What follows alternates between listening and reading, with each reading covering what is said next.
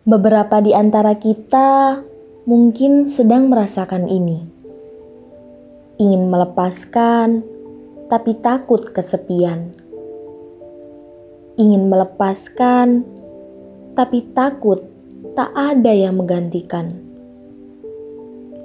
Ingin melepaskan, tapi sudah terlalu lama menjalin hubungan.